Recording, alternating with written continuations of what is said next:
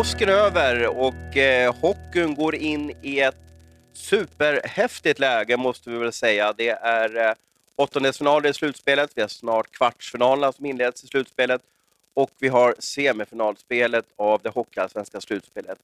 Mycket hockeygodis nu, Kolan. Ja, det är helt otroligt att man kan se hockey varenda dag. Man sitter, trots att man inte håller på så många lag så är man ändå nervös när man kollar på alla förlängningar som blir. Som på eh, annan påsk då, i, igår när vi spelade in det här. Får du se två matcher i rad för familjen? Funkar det eller, eller förstår de att du är intresserad? Jag, jag kollar när, när jag har tid. Jag kan ju sätta på tvn om det när det är match klockan tre. Då kan man ju kolla lite grann och sen kan man leka med Leo samtidigt. Så det, det går att se men kanske inte precis allt.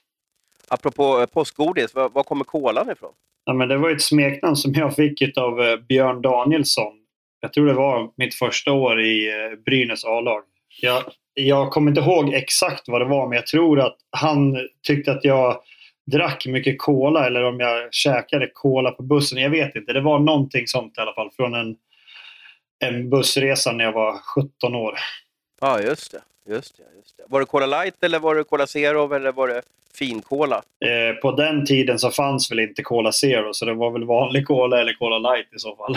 Och Abris, hur har din påsk varit? Du och jag har väl pratat med varandra, känns det som, hundra gånger den här påskhelgen. Jag tror du skulle säga tusen gånger, men det kanske, det kanske räcker med tresiffrigt då. Ja, jag tror hundra var nog realistiskt. Den här påsken kommer jag och eh, kommer jag förknippa med Thomas Ros tror jag. Påsken 2021, den kommer förknippas med, med Thomas Ros. Nej, jag kommer förknippa den med Brynäs måste jag säga. Det har varit en otrolig eh, påskhelg eh, som, som alla raketer som skickades iväg från Sätraåsen och är för mig unikt det hela. Och jag tänkte vi skulle starta den här podden med att prata just om Brynäs, påsken 2021.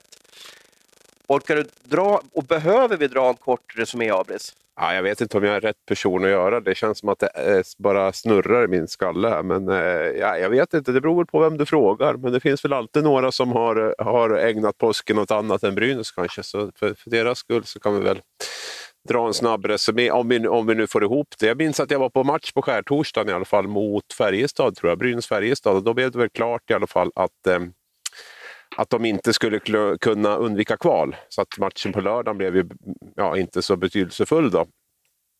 Och då kände man ju fasiken, nu är vi nästan ledig påsk här med det här. Eh, det blir ju ingen, ingen större dramatik på lördagen där. Och jag var lite inställd på det. Men sen på eh, lördag eftermiddag måste det bli då. Efter matchen mot Oskarshamn som man förlorade så, eh, så började vi ju jobba lite grann och sådär uh, Jag skulle säga att det var senare på, på kvällen där. Det var ja typ samtidigt som påskmiddagen där lite sent på kvällen. Ja, 8, 9, 10 någonting kanske ungefär. Ja, typ. det, ja. det är ett gytter. Men oavsett så, så kom det fram i alla fall att, att Peter Andersson fick, eh, skulle få sparken. Och att hans efterträdare också var klara då i eh, Josef Boumedienne och Nils Ekman. Och eh, ja, den nyheten slog ju ner rätt rejält faktiskt och skakade om ganska mycket i. Att Peter satt på en buss på väg från vi, sta, vi stannar lite där, vi stannar lite där eh, Abris, och jag vill bara få in kolan här lite. Du och jag är ju nyhetsknarkare Abris, men, men på en påskafton sådär, eh, och vi är så inne vad vi gör, vad vi jobbar med och vi tycker att det är absolut det viktigaste som finns. Det är viktigare än eh, påskmiddagar, eh, världspolitiken, corona och så vidare. Hur den här påskaftonskvällen, märkte du överhuvudtaget att Brynäs, att någonting var på gång i Brynäs? Eh, yes. Man sitter ju och kollar telefonen till och från. Så jag såg ju att, jag tror att det var på Twitter som jag... Har du, har du Sportbladets nyhets, alltså nyhetspush och sådär? Liksom, har du det eller? Nej, det har jag inte. Eh, om jag ska läsa nyheter då sitter jag alltid och scrollar på Twitter för allting kommer ju upp där. Ni skriver ju där så fort det händer någonting. Så att alla, alla människor som jag följer som håller på med hockey, de lägger ut så fort det är någonting så ser man ju det där. Så jag tycker Twitter är bästa kanalen för att se nyheter. Eh, så jag satt eh, på telefon och bara scrollade och då såg jag att han hade fått sparken. Sen så jag läste egentligen inget mer än, än det.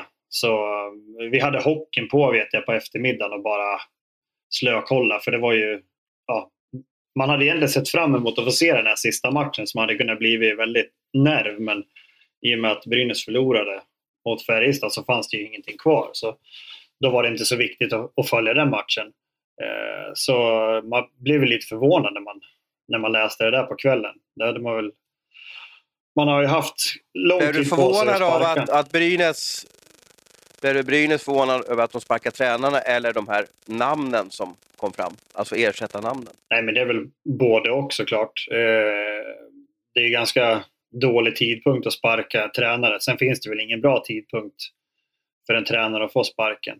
Eh, men man har ju haft så lång tid på sig. De har ju inte, de har ju inte spelat bra på hela säsongen så att man har ju kunnat gjort det tidigare och gett de nya en, en chans att starta någonting. Eh, nu kastas de här två in rakt in i hetluften och ska försöka spela kvar Brynäs. Eh, det blir rätt så tufft. Sen, eh, jag lägger ingen värdering i att de inte har varit tränare innan. Det, det återstår ju att se om det är bra eller dåligt. Och då lägger ingen värdering. Hur Kan du utveckla det? Nej, men jag ser, man läser ju folk som tycker det ena och det andra. Att de har, hur kan man slänga in tränare som, som aldrig har varit tränare? Eh, de saknar ju erfarenhet av att stå i båset. Så att, men jag lägger ingen värdering i det. det. De kan säkert vara bättre än vissa tränare som har stått i båset hela livet. Så det återstår väl att se. Ja, Abris. Hur, eh, med lite distans till allting som hände. Var, jag måste ändå säga att det här var en av de mest ja, bisarra nyhetsdagarna, dagarna, dygnen jag har varit med om. Det slutade aldrig och, och ske nya saker och jag har aldrig varit med om när ett lag byter tränare att de som ersätter tränarna är så, alltså namnen ger sån och fan uttalande från, från många. Alltså, ofta så kommer Perra in eller Bäckis eller Förstår vad jag menar? Va? Eller, eller, eller någon som har funnits, Tommy Sjödin, eller någon, någon som har funnits i föreningen, eller att man låter en ask gå upp och så vidare. Men i det här fallet så kom det två namn som man nästan var tvungen att gnugga sig i ögonen för att kolla om läser jag rätt? Förstår jag rätt? Ja, nej, men det var ju många, många olika faktorer i den där. Just, just en tränarsparkning i sig då, inför kvalserien, sättet gick till på namnen som kom in. Ja, precis det du nämner gör ju att det, det, det, det blev en väldig, väldig effekt på det. Då. Sen är det ju alltid människor bakom också. Som, som, som ja, alla tror att vi är sådana här kallhamrade cyniker som älskar att bara jävlas med folk. Men det är klart, det, det, det, det, det är väl, vi, vi gör vårt jobb och ibland så, så, um, så eh, kanske klubbarna önskar att det gick till på annat sätt. Men det är en annan historia. Eh, nej, men det var, det var, det var mycket i den där som, som, som gjorde att det blev en väldig bass runt det, trots att det egentligen var en tid då kanske folk helst ville gräva i påskäggen istället för att, för att läsa nyheter. Ja. Um, det gjorde en liten resumé där, men det vart ju då uh, väldigt mycket tankar och tyck om det här och bland annat så fick ju Brynäs ledning väldigt mycket skit för de har hanterat det här på påskafton, ska vi säga. Det vill säga en av de mest röda, eller kanske inte är det en röd dag påskafton överhuvudtaget. Ja, det är en, det är en helgdag i alla fall. En del affärer är väl öppet, men det är en av de här dagarna på åren som, som, som, som vanlig personal på ett kansli kanske inte jobbar och, och man går ner i någon typ av viloläge eh, på ett företag eller en organisation. Så att Brynäs hamnade ju på hälarna efter vår publicering kan man säga.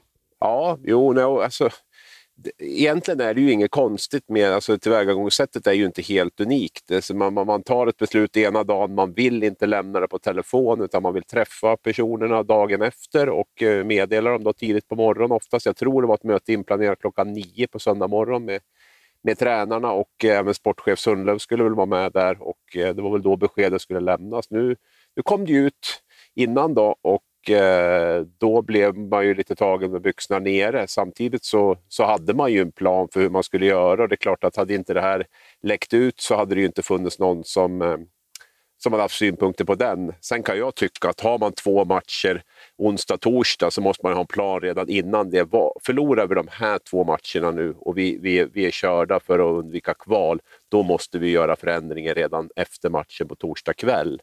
Men det verkade ju inte riktigt som att man var där utan man hade nog gått och hoppats och trott att man skulle ta poäng mot Växjö eller Färjestad så hade man inte en färdig plan att iscensätta på, på, på torsdag kväll då, eller senast fredag morgon. Sedan var det väl kanske lite, och det ska vi vara glada för, lite för många som visste om det här på, på påskafton. Um, så att det, det läckte ut i media. Vi skrev det först. Det var en ohållbar situation. Jag har tänkt på Jag tänkte när de sitter på en buss på vägen hem. De har torskat. Peter Andersson funderar på kval. Han funderar på hur han ska lägga upp laget, taktiken, eh, ledarskapet. Eh, och sen så sitter då spelarna, Sundlöv, Peter Andersson, Stråle, ja, hela staben där sitter och, och jag vet inte om de kollar på Twitter eller Facebook eller på Sportbladet eller vad man gör där, för det spreds ju säkert som en, som en löpeld där, att, att, vår te första text som skickades ut där. Uh, jag bara kan hur tror du känslan blev hos spelarna där, Kolan? Ja, nu, jag vet inte om man ska tro allting som man eh, läser såklart. Men eh, det stod ju ändå att spelarna hade varit involverade i det där. Men det var väl inte de som var på bussen vad jag förstår utan några spelare. De här kaptenerna, de var väl inte med och spela den sista matchen? Om jag förstår rätt, var det så? Nej, alltså det, det har ju också blivit, det var ju, det var ju korrekt att de, de var ju inte med och spela matchen, men det var ju inget i texten som, som sa att de hade, att de hade varit med i beslutet. Däremot så stod det att de inte hade varit med ner dit och att det hade varit en del möten under, under fredagen. Där då. Ja, hur mycket inflytande har egentligen spelarna i, i ett sånt läge som, som det är nu när vi pratar om klubbar som, som omsätter 150-160 miljoner. Hur, hur stort tror du spelarnas inflytande är? Jag tror ändå att det är ganska stort. Eh, jag har ju varit med några gånger när tränare har blivit sparkade och det går ju oftast till så att man, eh, man sitter i x antal möten eh, och man försöker vända på varenda sten som går och Eh, sparka en tränare är ju alltid det sista alternativet. Eh, sen till slut så när man sitter på de där mötena så det är nästan så att man eh, ger upp lite grann. Att nu har vi provat allting. Nu finns det inget annat kvar utan tränaren är nästa steg.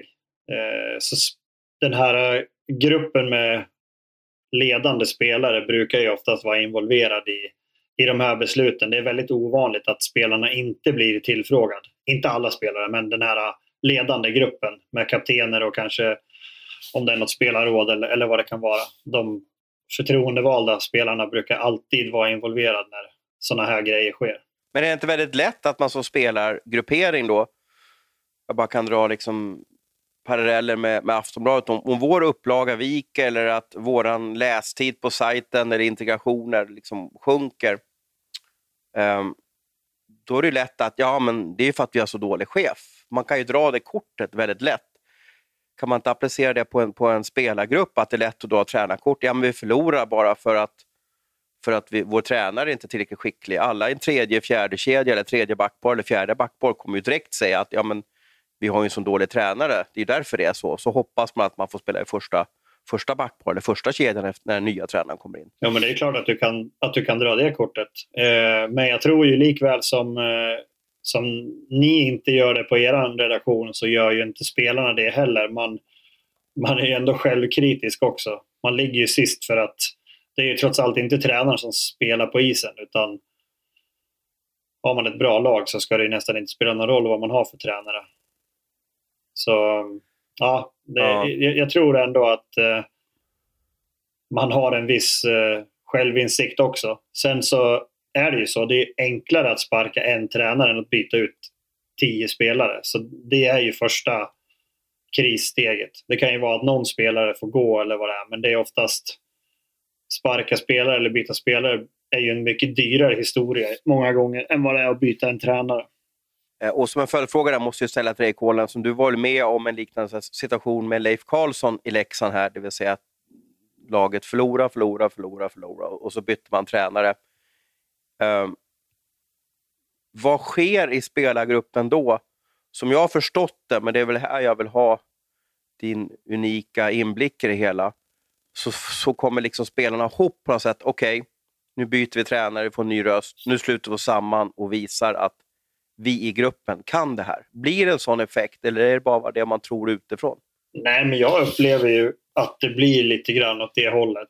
Eh, och sen så i och med att det kommer in en ny tränare så börjar ju i stort sett alla spelare på noll igen. Eh, såklart att kanske dina absoluta toppspelare, de vet ju att de kommer få spela samma roll som de har haft innan.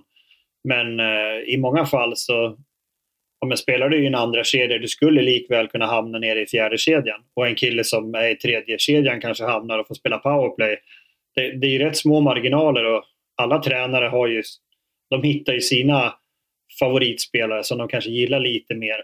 Så man har ju en, en chans att, att visa upp sig på nytt. Så jag tycker alltid, i alla fall direkt så på träningar, man ser att det blir en jäkla fart och eh, väldigt, väldigt hög intensitet på, på träningarna för att folk vill visa framfötterna. Verkligen. Det är inte en helt vanlig träning i omgång 47. Nej. Du var ju uppe på eh, i Brynäshallen i, igår, Abris, och fick, ja, du fick ju inte se den första träningen med Nils Ekman och Josef Boumedienne. Eh, för att eh, de har stängt då arenan för att få lugn och ro. Och det förklarade väl Josef med, om jag förstod det rätt, med efteråt att det var för att det var första träningen och de ville inte att utomstående skulle se ifall de rättade till grejer, blåste av eller att ja, det, det, skulle inte vara en träning som flöt på, men det hade den visst gjort ändå. Men vad fick du för intryck av, av det som sker i Brynäs och vilket, hur tyckte du Josef skötte sig eh, i sina uttalanden efter första träningen?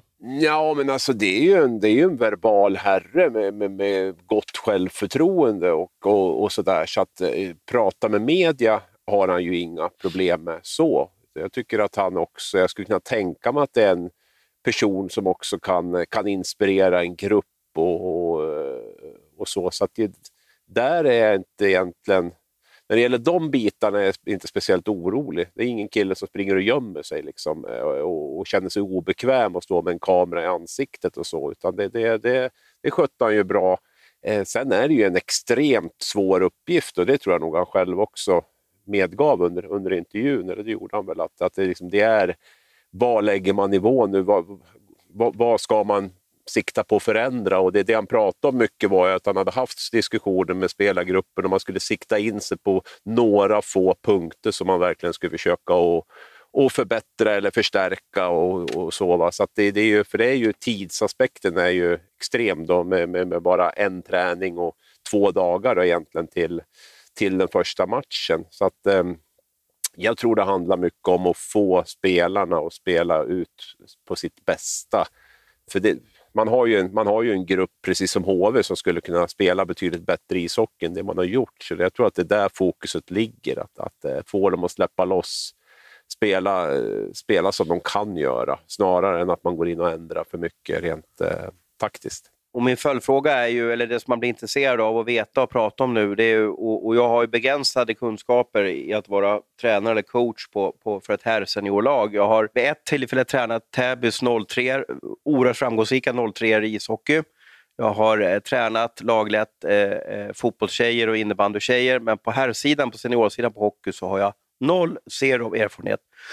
och det, tillsammans kan ju tillskrivas då Nisse och eh, och Josefs också, att deras eh, erfarenhet på den här nivån är ytterst begränsad.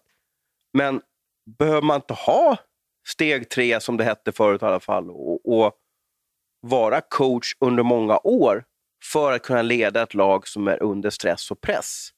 Behövs inte det, Kolan? Du, det, det, vet jag faktiskt inte. Jag, jag har väldigt dålig koll på tränare, vad man behöver ha jag vet verkligen inte. Ja, men vad gör du med båset då? Måste de inte knacka dig på axeln vem som ska in? Måste de inte kunna leda dig vad du gör rätt och fel på isen? Jo, men om, bara om jag tänker på till exempel Josef då, som vi säger, han är ju väldigt duktig på att prata och han har ju suttit på läktarna i flera år och han har nog väldigt bra öga för spelet så jag tror att om han är nere hos backarna och pratar tror inte jag att det kommer vara några problem. Det, det tror jag inte. Han, han ser nog hockey lika bra som en tränare som har steg 3-utbildning. Det är nog inga konstigheter. Nej, nej. Kommer inte här Abris, vad säger du? Vad säger Läget med Brynäs är lite så här nu att vi säger att Brynäs håller sig kvar, HV åker ur. Det är ju eh, eh, två klubbar som har tänkt helt annorlunda. HV har tagit in Lillis som har varit med sedan Sundsvall brann. Eh, Brynäs plockar in eh, Josef Boumien, Nils Ekman som aldrig stått i ett bås för herrseniorer förut om Brynäs håller sig kvar så blir Campese geniförklarad, alltså klubbdirektören i Brynäs, för att han har vågat tänka nytt och att det gav en sån effekt. det kan ju förändra hela tränarsidan framöver. Ja, geniförklarad vet jag väl inte om han blir, men det är klart att han... Jo, men de håller sig kvar. För alla, han, står ju och väger lite nu att åker de ur så kommer alla säga, vilken idiot som plockade in två, ursäkta mig uttrycket nu, och jag säger det i situationstecken, två nollor kommer folk tycka utåt. Men håller de sig kvar så var ju det här nytänket, fräscha tänket, en succé. Jo, men går det åt skogen så är det ju liksom det sista spiken i det här eh, fiasko, kapital, kapitalt fiasko från, från Campese. Skulle de nu klara sig kvar så är det klart att det mildrar ju naturligtvis domen över hans eh, säsonger i Brynäs. Så är det ju, men det, det är ju inte på det sättet att han liksom kommer att bli en staty av honom nere på Stortorget här om Brynäs nu klarar sig kvar med de här tränarna. Men, men hans situation blir ju naturligtvis mycket enklare om de, om de eh, löser det här med, med de tränarna. Och då, eh, men Brynäs är ju fortfarande i kval med ett lag som har liksom kostat ja, lika mycket som HVs lag som också är säkert topp tre i, i, i SHL, höll jag på säga, i alla fall topp fem när det gäller kostnader om man tittar på vad man värvat in under säsong också. Så att man, man måste ju också ha ja, proportioner på, på, på hur, hur, hur fantastiskt det är om man lyckas klara ett kval. Då. Men, men som sagt, han, hans framtid står ju och faller på det här. Så, så enkelt är det ju. Och då får min nästa tanke bli nästan, hur viktig är tränarna Kolan? De är jätteviktiga. Men, men var, var någonstans? I omklädningsrummet, i båset, utanför isen? Eller var är, har, de, har de den viktigaste funktionen? Jag tycker det viktigaste hos en tränare är att de visar engagemang. Eh, sen tycker inte jag alltid att kunskapen är inte det som, som alltid är avgörande utan engagemanget. När man kommer in från ett byte, man får höra någonting varje gång. Man hör, till och med när man är på isen så hör man ledare som, som är på, de är aktiva. Det är i alla fall sådana saker som jag reagerar på när jag spelade. Att har man en tränare som är aktiv, ja, men det är mycket enklare att spela. Och när vi gick upp där med Leksand för två år sedan, eh, hade inte Christer Olsson varit med oss så då tror jag inte att vi hade gått upp. Eh, jag tycker han hade sån stor betydelse i hur vi spelade, hur vi förberedde oss och, och allting. Eh, Roger var ju raka motsatsen och det var ju bra för oss när Roger kom in. Eh, han fick ju oss att, att lugna ner oss. Vi var ju ganska stressade när vi låg där vi låg efter jul. Eh, men sen när Krille kom in som, som någon slags tornado, jag tror att det var det som höjde oss ytterligare så vi kunde ta oss upp. Och då låter det ju som att det är oerhört viktigt att man är kommunikativ och, och positiv. Alltså en bra ledare, en, en rejäl människa låter ju som vara lika viktig som att gått varenda utbildning hos Hockeyförbundet. Ja, nej, men det tror jag gäller på alla, alla nivåer och inom alla, alla yrken. Så att, säga. att Du måste ju också kunna hantera människor på ett, på ett bra sätt. Det betyder inte att du ska stryka medhårs hela tiden och sådär, men du måste ändå måste vara bra på, på, på att hantera väldigt många olika människor också. Det säger väl många assisterande tränare som har kanske varit backtränare tidigare, blir huvudtränare. Det stora problemet är att man har 22 stycken som man ska se. Det är inte bara de här 7-8 backarna jag har, utan det är, det, det, är, det är många som vill bli sedda och det är många som vill bli bekräftade och, och känna att de är att de är eh, behövda och så. Och det tror jag inte skiljer så himla mycket på en tidningsredaktion och ett hockeylag eller en eh, fabrik. Det, nej, det är jätteviktigt. Om man ska summera det här då, um, du får gärna börja Kolan. Um, tror man sitter och knuggar händerna i Enköping att oj, oj, oj, vilket strul de har där uppe. Det här är bra för oss. Eller vilken effekt får den här, om vi kallar det för nyhetsstormen eller rapporteringen från, från Sätraåsen, vilken effekt får det på finalen, eller Flora-finalen? Ja, jag tror inte de sitter och gnuggar händerna, men de är nog inte ledsen heller. Eh, ju mer det stormar om det andra laget man ska möta, det är väl klart att, att det, det känns ju i alla fall som att man, man får en fördel av det. Att det är fullständigt kaos i den föreningen du ska, du ska spela mot. Så det är nog, för HVs del så är det nog bara positivt. Ja, det som blir lite problemet för HV nu är att de hade, de hade ju inlett scouta Brynäs och vet ju vad Peter Andersson står för hockey och Viktor Stråle och hur Brynäs spelar hela säsongen och sådär. Nu har de, även om inte jag säger att det blir jättestora förändringar, så kommer det bli förändringar. Man har ingen aning om vad man kommer att möta eh, egentligen. Hur, hur Brynäs kommer, för det är klart att vissa saker kommer man att justera. Jag kan ju lova att det finns saker som spelargruppen har varit döless på den här säsongen i, i sättet man ska spela. Och det är klart att de sakerna kommer man att justera. Och, eh, så att, eh, det är nog en liten osäkerhetsfaktor tror jag hos, hos HV. Ja, men vänta nu, vänta nu tror ni att Brynäs kan ändra sätt att spela hockey på en träning där inte hela laget var med? Jo, men det är väl klart att man har ju gått till spelarna här och pratat med dem också lite. Vad, alltså, man har ju inte man har ju ett önskemål själv också som spelare hur man vill, vill, vill uppträda i det offensiva spelet eller spelet ur egen zon. Och där kan det ju vara att man har fått stränga direktiv att så här får, får vi inte göra här. Och det, där kan man ju släppa upp på de sakerna. Så det, det tror jag också kan göra att man, man till exempelvis spelar sig ur zon på, på ett annat sätt. Man kanske använder powerplay på, på ett annat sätt. Sådana sådana små saker tror jag man kan. Jo, men är det möjligt på en träning? För ett spelsätt ja, eller taktik för mig är ju det att, att, att alla måste göra likadant. Det spelar ingen roll vad man gör egentligen, bara alla är med på noterna. Och gör bara tre på isen på ett sätt och de två andra på ett annat sätt, då faller ju liksom allting. Jo, men många av de här var ju med förra året och spelade och, och, och har ju spelat på ett annat sätt tidigare. Så det, det, det, det är ju mer kanske i år att man har liksom pådyvlats ett sätt att spela som man inte riktigt känner sig bekväm med. Har du sista inspel, eh, Kolan, om, om det vi pratade om innan vi flyger vidare mot quizen? Nej, men Abris har en poäng. Eh, även om det bara har varit en träning. Så jag tycker att olika spelsätt är ju mycket en inställning. Eh, Brynäs har ju sett väldigt passiva ut i egen zon och som vi säger, de spelar mycket puckar i runden. Eh, kan du ändra inställning eller liksom sådär hos, hos spelarna att i egen zon ska vi gå hårdare? Eh, det är egentligen ingenting som du behöver träna så mycket på utan det är ju en, att, folk, att man pratar med varandra och är på varandra mera. Då, då kommer man bli mer aggressiv till exempel.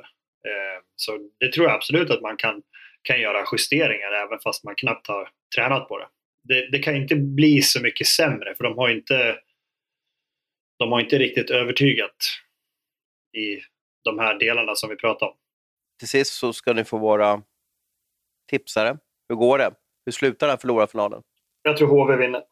Ja, jag fick frågan igår i en panel där och jag, jag svarade HV då också, så jag får väl, jag får väl stå fast vid det. Då. Men uh, jag, jag, skrev också att jag har faktiskt ärligt talat ingen aning hur, hur det kommer att gå. Säg att Brynäs vinner första matchen ikväll och får tisdag, då, när vi spelar in, och uh, får medvinden där med sig efter alla dessa ångestdygn som har varit. Så ja, nej, men jag, jag får väl stå fast vid HV. Ja, från en tung Brynäs-period i podden till en mycket mer lättsam. Vi ska ha quiz igen. Satt och lekte lite med frågor här och ganska kul att sätta upp frågor. Eh, idag är det ganska svårt faktiskt, måste jag tycka. Eh, får vi se full poäng idag av någon så blir jag både imponerad och impregnerad av er hockeykunskap. Eh, vi drar igång igen. Eh, det är fem frågor. Eh, och det är fem frågor som skiljer sig lite från tidigare för att det kan vara flera korrekta svar. Och jag, vill ha, jag kommer göra lite, det, det är jag som faktiskt får vara Christian Lok här idag, så jag kommer lite bestämma hur mycket poäng ni får. Eh, ni kommer förstå vad jag menar när, när ni får frågorna. Fråga nummer ett. Vem vann poängligan i SHL 2020? Ja, får inga sms än så länge, men det kanske kommer. Ot, ot, otäckt det här. Alltså. Ja, det var svårt. Vart det tyst? Ja, ni kan inte det här. Det här var den lättaste frågan. Ja. Nu blev jag förvånad. Jag tänkte skulle börja jättelätt. Quiz efter den här helgen. Jag har fått svar från Kolan då. Ja, men då, då kör vi på det. Ja, men du, jag har ju inte sagt att det är rätt. Du nej, måste ju gissa nej, med ett namn. Du har, ja. du har ju bara 350 namn att gissa på. Ja, kommer knappt ihåg vilka Dra som till med ett namn nu. Det är, roligt, ja. det är roligt om det... Du får inte tänka längre nu. Skicka nu. Mm, ni, ni gav samma svar kan jag säga. Ja, det var fel också. Fråga nummer två. Johan Garpelöv är en för detta kollega i Hockeystudion och han är vår nuvarande förbundskapten för Tre Kronor. Vilka NHL-klubbar representerade han? Ja, blir så snabb där. Jag tror det är det grabbens liksom NHL-spel som gör att du kan det här. Uh, Kolan har också svarat. Jag såg en tweet från Garpen i morse och då började jag tänka på honom. Jag, jag tror att det var i morse han hyllade, hyllade en av sina klubbar. Uh, då var det jag tänkte lite på det. Men, ja, just det, jag kanske har glömt det. den. Är det tre, är det tre eller? Ja, du svarade tre och ja. Kolan svarade två. Jag ger korrekt svar efteråt sen. Ja. Fråga nummer tre. Vilket år utvecklades SHL rent fysiskt i 14 lag? Man bestämde ju något år innan och sen var det verklighet det här året som jag söker. Det var snabba svar från båda. Chansning bara. Ja, men det, det årtal är ganska lurigt för att man, det går så snabbt allting. Eh, fråga nummer fyra, och det här är en liten fördelsfråga för kolan då. Jag vet inte hur mycket han åkte och tittar uppåt. Eh, vilka tröjor hänger i Husqvarna-garden? Det är sex stycken kan jag hjälpa dig med. Ja, herregud. Ja, men det här trodde jag kolan du skulle ta. Ja, det är klart att du trodde det. För mig är det bara legendarer. Ja, i alla fall fem legendarer. Jag väl hjälpa er då, som ingen har svarat. Vi har Jag har fått ihop fyra i alla fall. Kolan har svarat. Åh, svara nummer. Gud vad jobbet gjorde för mig då. Du frågade vilka nummer det var. Ah, ja, ja, jo, jag har nummer här bara. Jag måste bara... eh, ja, vi får ta det efteråt sen. Jag trycker iväg det jag har. Bara... Fyra från Abris där. Ja, vill du svara mer Abris eller är du nöjd där? eller? Nej, jag är nöjd. Jag är nöjd. Oh, vågar knappt säga sista frågan här, för den är den svåraste. Ja, Jag var för tuff idag. Jag får äta mer påskgodis här. Eh, hur många fans inrymmer Nobelhallen när det är fullsatt? Och guldstjärna, om ni vet vilket mästerskap som ägt rum, hockeymästerskap, hockeyvärldsmästerskap som ägt rum i den arenan. Ja, det är också fördel för kolan där tänkte jag. Det, den, den missade jag förresten. Var det, var det åskådarantal i, i Nobelhallen nu vi pratade om? Ja, ja, ja. Ja. Publikkapacitet. Abis har svarat. Det är bara guldstjärna för den, så skiten i guldstjärnan så behöver ni inte svara. Jag visste inte om det. Jag, jag, så, jag, jag, jag sa åh fan när jag förstod vilket mästerskap som ägt rum där. Ja, nej, jag vet inte. Jag tror inte Kolan var född då för övrigt. Nej, förmodligen är jag väl på Bengt Åkers När är du född. Kolan? 85. Ja, då var du inte Nej. född. Då kanske jag är ursäktad. Ja, precis, precis, precis. Eh, bra. Eh, jag tror inte jag har fått något riktigt korrekt svar på någon fråga, Ah, men vi ska försöka ta oss igenom det här. Eh, jag var för tuff idag då. Eh, vem vann poängligan 2020? Eh, det var ju då Lillis. Noll poäng. Såklart. Noll poäng. Johan Garpenlöv, för detta kollega i Hockeystudion, har presenterat fyra NHL-klubbar. Jag fick från Kåland, Florida San Jose, det vill säga liksom, ja, ett poäng rätt om vi ska ge någon typ av noll poäng per rätt klubb. Och eh, från eh, Abris fick jag Florida, Detroit, San Jose 1,5 poäng. Så det är 1,5 till eh, Abris och eh, 1,0 säger jag till, till Kolan. Så, eh, fråga nummer tre. Vilket år utökades SHL till 14 lag? Korrekt svar är 2015. Ni svarade 2014 och 2016. Uh, vilka nummer tröjor hänger i Husqvarnagarden? Och det är alltså då Stefan Liv, Per Gustafsson, Fredrik Stillman, Stefan Örnskog, David Petrasek och Johan Davidsson. 1, 7, 14, 15, 22, 76. Uh, och du har 1... Abris har alltså 1, 22, 7, 6, 15. Du glömde eh, Stillman, så du har alltså fem rätter. Och då ska vi se vad kolan har då. Du har fem. Uh, vad tänkte du med fem? Nej, men jag, eh, tror, vem, vem jag, trodde, jag trodde Stillman hade nummer fem. Det var den som, för alla andra kunde jag, men jag kunde inte numret Aha, på Det var därför om du har skrivit namnen, och, hade du skrivit Ja, men du frågade du vilka nummer, så, så, så, då svarade jag ju nummer. Ja, ja, ja. ja, ja, ja. Ja, men då vart det fel för ja, dig där kan man säga. Men du har i alla fall fem rätt i alla fall då. Och den som var först med det här då, men sjuttsingen var först med det här då? Uh, ja, det var ju, ju Abris som skrev, ah, Abris får ett poäng här. Fan, du är snäll idag. Två kom... Ja, precis, precis. Eh, och fråga nummer fem. Hur många fans inrymmer Nobelhallen? Korrekt svar är 5600 och det innebär att Kola var närmast med 6000. Så då har vi två poäng till Kolan och 2,5 till Abris. Så att Abris vinner idag. Grattis Abris! Ja, det var en eh, rosräkning där, men jag får tacka för den. Då. Ja, nej, Lillis var ju pinsamt, men det blir, så, första frågan är alltid så svår. Det är för att det är error i huvudet när den kommer. Sen kommer man igång lite grann. Så det var ju Marcus Nilsson där. Eh, Får jag guldstjärna för VM också, eller vart det fel? Nej, det kan inte stämma. Ja, korrekt svar är JVM 1979 då. Ja, okej. Ja, det var inte så nära. VM 81 gick väl i Göteborg och var det Karlstad? Ja, jag tänkte om det var en liten stickmatch där. Det var så jag tänkte, att man hade fått en match där. Så det var väl lite så jag, jag tänkte. Göteborg var det i alla fall på VM 81. Ja, precis. Den gam- ga- klassiska reklamen där med, med isbjörnen på tröjan va? Polar, Polarvagnen. Mm, var det? mm. Ja, precis, precis, precis. Ja, bra jobbat. Eh, vi flyger vidare och när vi hade vår, eh, vad ska vi kalla det för, manusmöte angående den här podden så, så, så, så sa Kolan direkt att ah, men det här kanske är tjatigt, men jag måste ta upp det här med tacklingar. Och du tänkte på en situation med, med Lycksell och Palve. Vad, vad menar du Kolan? Vad är det du får puls av? Nej, men han får ju pucken tidigt i, han, jag tror han är i egen zon till och med. Och sen åker han hela vägen upp till röd och det är ingen som går på honom. Han har ju full koll på vad som händer runt omkring honom, men ändå lyckas han schabbla till det precis innan han ska på en tackling. Så att han är där och petar på pucken. Han försöker spela den men missar den och sen så sträcker han sig framåt och ska ta pucken igen fast det kommer en brynäsare och ska köra på honom. Eh, jag tycker vi ser ganska mycket sådana här situationer.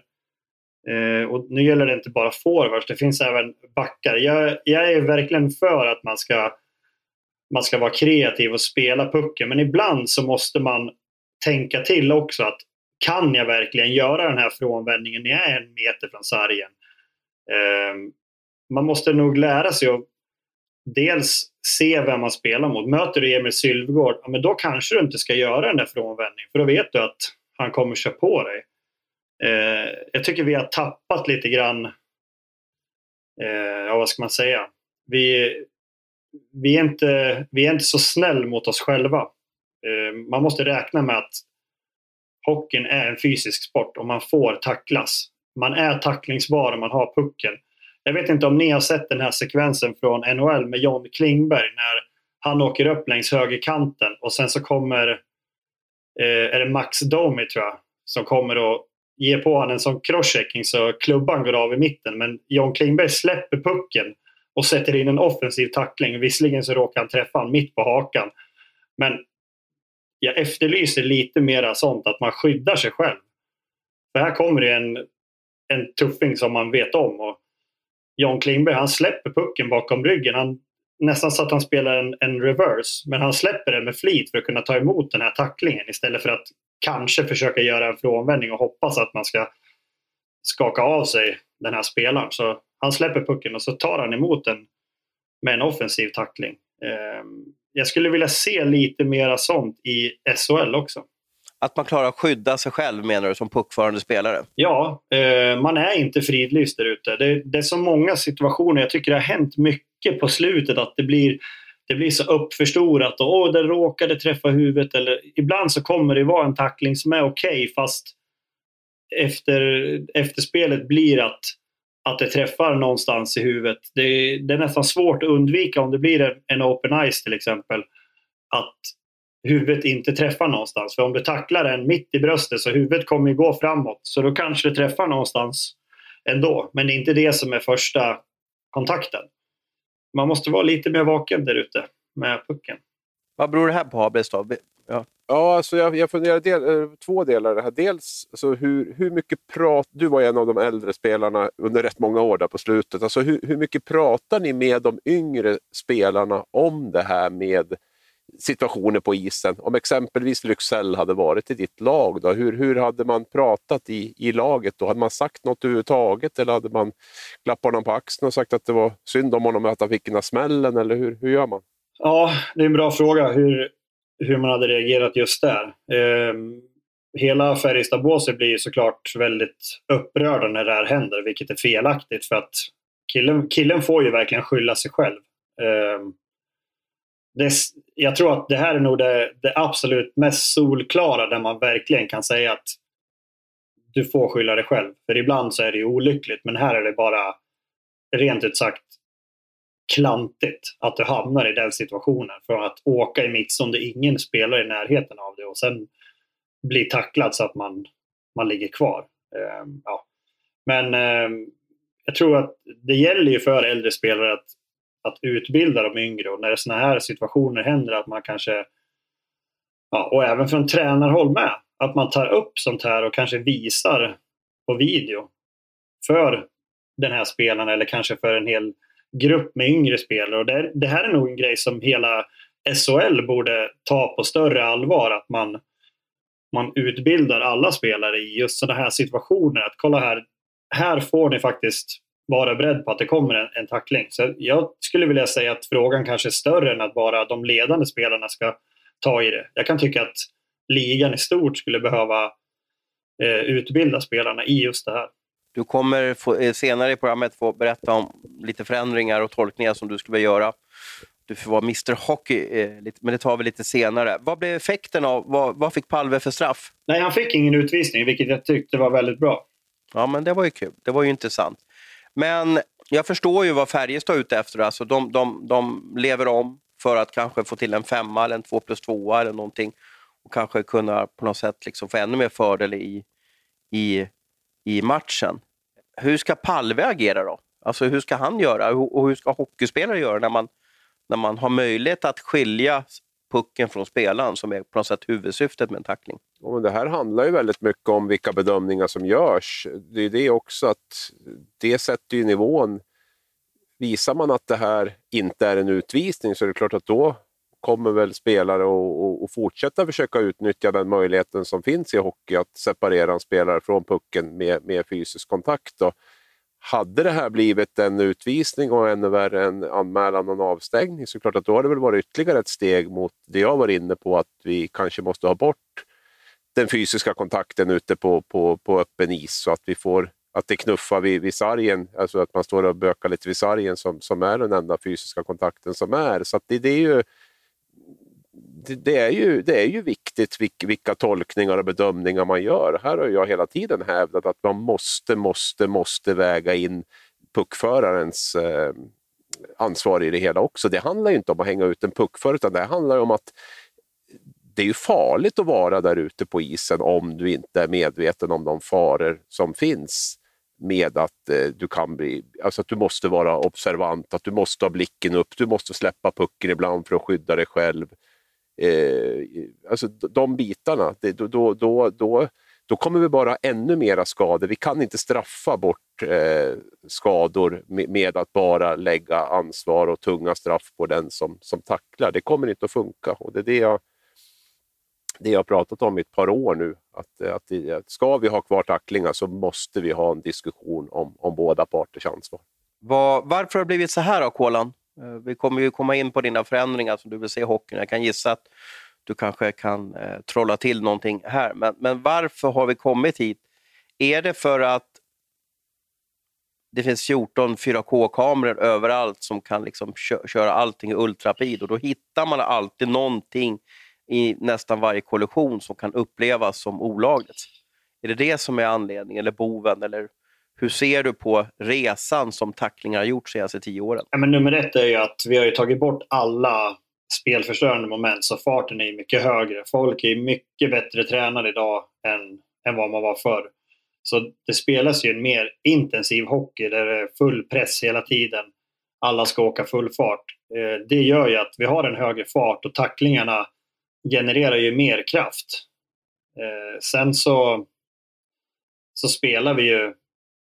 Vi är lite mer naiva. Eh, många spelare, speciellt nu på senare år, man, har, man är på is hela sommaren och man tränar skills, man kör dragningar eh, där man kanske glömmer det och, och ha blicken upp. Så jag tror att många upplever sig själv som väldigt skickliga och duktiga. Men sen så glömmer man bort att på, när du spelar match då är det fem motståndare som vill, som vill köra över dig. Eh, det är en sak att dribbla på koner och däck men eh, när du väl är ute på isen så har du fem motståndare som vill åt dig. Eh, så jag tror att det är ju en del i det. Jag vet att du brinner mycket för det här ABS. Ja, det vet jag inte. Men jag skulle säga att jag tror att det är extremt, extremt viktigt det, det, det Kolan var inne på tidigare, hur, hur vi liksom pratar runt det här. För det tror jag, det tror jag är A och O. Om vi hela tiden gör den som blir tacklad till ett offer, både in, internt i lagen och ledarstab och allt vad det är, då, då kommer vi inte att komma till rätta till det. Så vi måste ju prata om det på ett konkret sätt. Sen förstår jag också att det, hur gör man det med en kille som ligger utslagen med, med hjärnskakning och går tre månader efteråt och inte mår bra? Man kanske inte sätter sig ner med honom och säger att du får fan titta upp på isen. Det gör man inte, men i alla fall i de situationer där det är där det är möjligt så tror jag att vi måste prata om det. Och det handlar ju bara om att skydda den här spelaren från att göra sig ännu mera illa. Vi kanske ska stanna där och uh, helt uh, på naturligt sätt komma in på, uh, du fick uppdrag eller hemläxa, Kolan, att, att göra tre förändringar. Om du fick vara liksom Mr Hockey World, tre förändringar som du fick göra med hockeyn. Det kan vara, ja, regler är ju det kanske lättaste, men få lite vad som helst då. Vilka tre förändringar skulle du göra med hockeyn?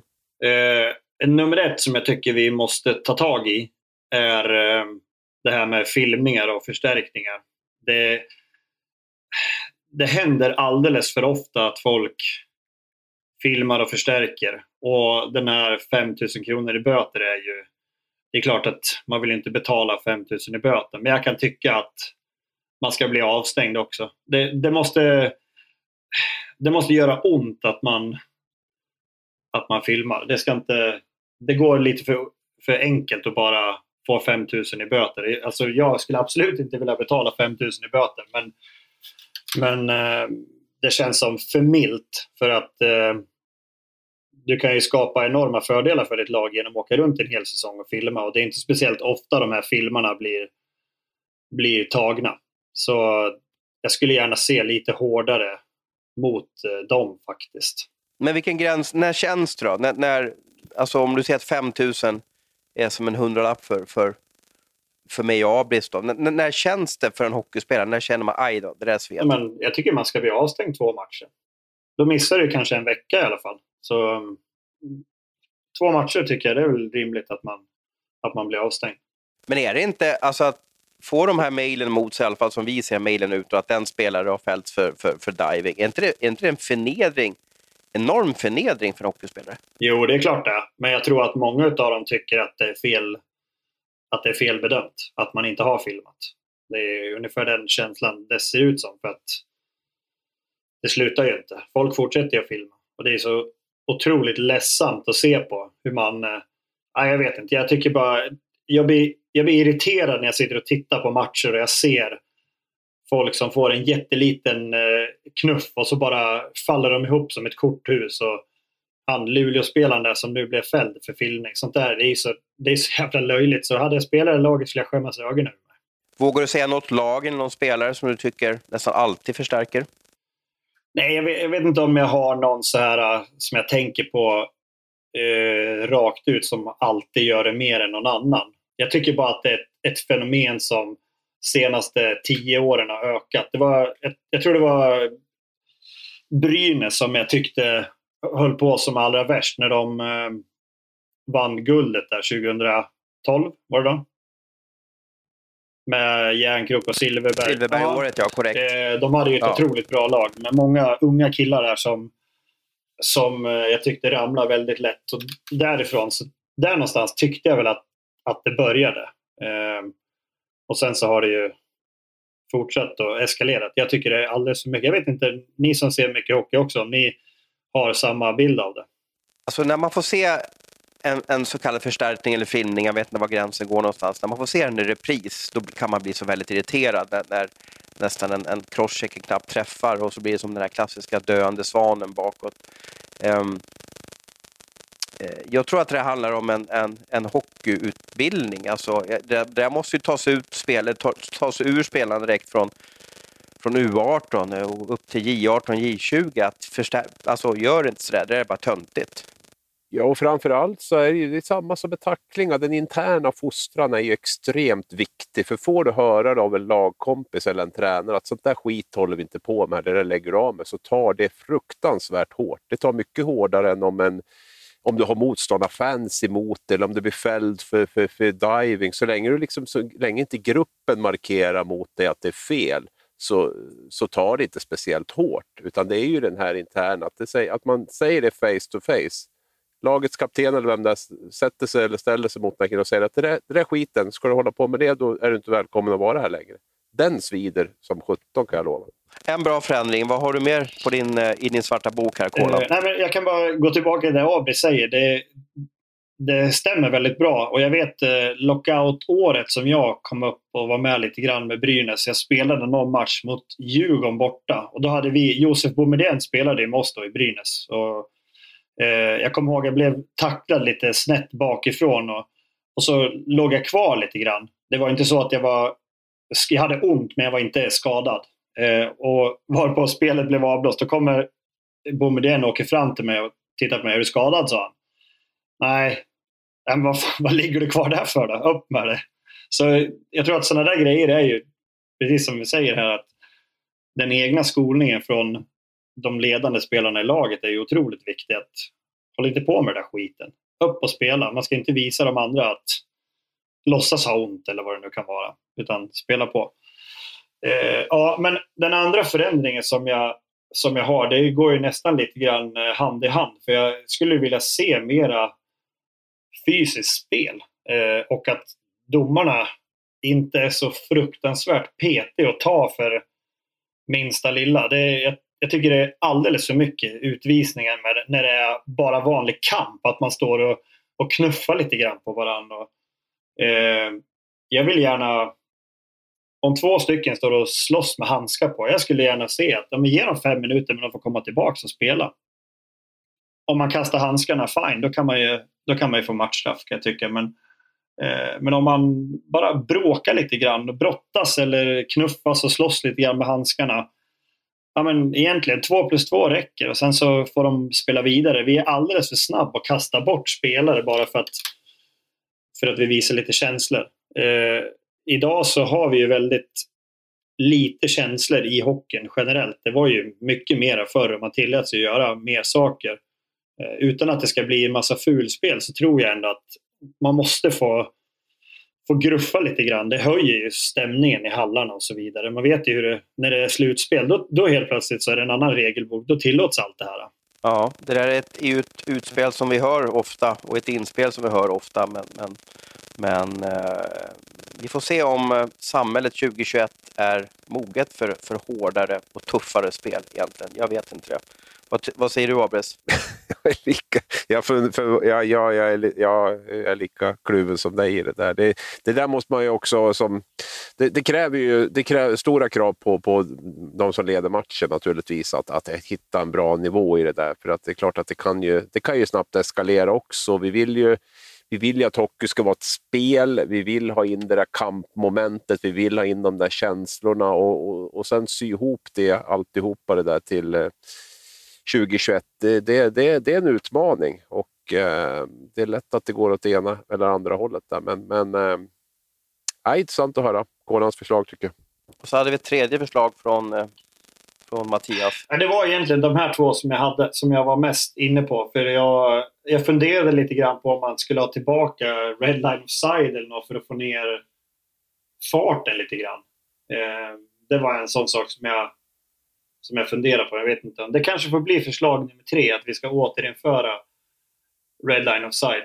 Mest för att vi ska få ner farten lite grann och för att spelarna kanske ska vakna till lite mer. När plockades den bort? Är det någon som nailar den direkt eller får vi googla det? Ja, det, blir, oh, det blir nog Google. 20-25 år sedan, minst tror jag. Mm. Ja, och vad innebar den Abris? Om du, ja, att du, inte fick, spe, att du inte fick spela pucken över två linjer, kan vi väl säga. Då. Alltså att du fick inte spela pucken från egen zon, över, egen blå över röda och sen ta emot den på andra sidan röda. Utan att det hade varit någon om det inte hade varit någon touch eller någonting på det. Då, så att du fick, fick inte spela. Man fick inte åka och fiska, man fick inte åka fiska vid offensiv blå för 20 år sedan, så kan man säga. Så kan man säga. Det är många bra sammanfattningar. Men Kolan hade ju även den här med, med tacklingsproblematiken, så man kan räkna in det som en tredje också för den delen. Med, med just att man kanske får eh, behöver lägga ja, ansvarsfrågan i, i, i just tacklingar och sådär. För det är ju också en stor del hockey är ju, är ju väldigt identifierat med, med, med tacklingar just. Och det är klart att den, den, den frågan kommer att vara väldigt, väldigt viktig tror jag åren framöver. Och om ni lyssnar på det här och har lite åsikter om, om Kolans förändringar eller har en egen förändring får ni gärna skicka till oss på, på sociala medier så, så får ni säkert ett svar av, av Mattias, Hans eller, eller mig själv. Vad, vad sa du Kolan? Eh, jag vet att Hockeyförbundet håller faktiskt på med det här. Jag var på någon utbildning eh, tidigt under säsongen och då pratade de mycket redan, och det här var ju för eh, alltså barntränarna då. Eh, och, och, då pratade han redan där om eh, just det här att vilket ansvar man har som puckförare. Att eh, en tackling inte bara, ansvaret ligger inte bara hos den som tacklar utan han hade gjort någon procentsats där om det var 70-30 eller något sånt där. Att, att man ändå som puckförare har, eh, man har en skyldighet där också. Så jag tror ändå att från Svenska Hockeyförbundet så finns det en, en förberedelse på det här, att man, att man faktiskt börjar prata om det. Så jag tror att vi kanske behöver också lyfta det på, på högsta nivå. Ja, bra, bra regel. Bra känsla i dina regelförslag tycker jag i alla fall. Får se om någonting blir, blir verklighet. Vi måste prata lite hockey när vi lägger på för idag och eh, fokusera på annat. Eh, det pågår ju åttondelsfinaler Frölunda-Färjestad har kopplat ett, ett bra grepp om eh, Djurgården och Malmö nu när eh, åttondelsfinalen flyttar till eh, Karlstad och Göteborg. Vi har eh, Hockeyallsvenska slutspelet som är inne i sin semifinal. Eh, nivå eh, där Karlskoga eh, slog Björklöven första matchen med 1-0. Om den ska eller inte låter jag vara osagt. Och sen har vi Timrå som har kopplat en dubbel-Nelson eh, på Västervik och leder med 2-0. Känner ni någon och fan upplevelse eller känner ni någonting att ja, men det här var ju fascinerande eller är allt enligt ordning? Ja, ska jag börja där så, så är det väl väldigt mycket enligt ordning. Timrå leder 2-0. Karlskoga-Björklöven är väl, ja, Karlskoga en seger på hemmaplan där. Det, det, känns väl öppet som 17 och sen att Frölunda och eh, Färjestad vinner sina åttondelsfinaler är väl helt enligt favorittipsen. Så att det har väl inte varit så mycket åh fan än så länge. Vilken serie kollar du på, Kolan? Vilken tycker du är fascinerande att följa? Eh, utav de här, jag tycker inte play-in-matcherna är så roliga. Eh, och sen tycker jag ju att Timrå är lite för bra för Västervik. Så jag fastnar lite grann för Karlskoga Björklöven och jag är ganska imponerad att de lyckas vinna hemma. De tappade två spelare till. Karl Berglund och Johan Larsson försvann under matchen till deras redan långa eh, skadelista med nyckelspelare. Så mm, det är starkt av dem att, att få ihop det. Sen eh, om det håller över sju matcher, jag blir lite tveksam om det är så att de här killarna också kommer vara borta nu. För de avslutade matchen på 3-5. Jag fick samma känsla också. Carl Berglund får hoppas att det går, går, går bra med. Han spelade ju efter det skottet. Men sen så åkte han iväg sen. Jag antar att, den, eh, att han fick riktigt ont i, i huvudet. De är ett riktigt krigarlag, eh, Karlskoga. Men vi får se, vi har många intressanta matcher framför oss och så vidare. Eh, och vi har passerat en timme och, och riktigt bra podd idag gubbar. Eh, ni var hungriga efter allt godis i påsken märker jag. ja, tack vi får, vi får jobba med våra quiz-svar tror jag. Där. Det, jag vet inte man... Eh... Eller, så, eller så går jag ner lite på nivå kanske. Jag, jag kanske var för liksom, tuff idag. Ja, nej det var inte fara så, men det blir lite error tycker jag i, i, i början. Där. Jag vet inte. När man sitter i direktsändning tur man inte är med På spåret. Tack, tack, tack för att ni var med och tack för att ni lyssnade. Eh, ha en riktigt trevlig vecka.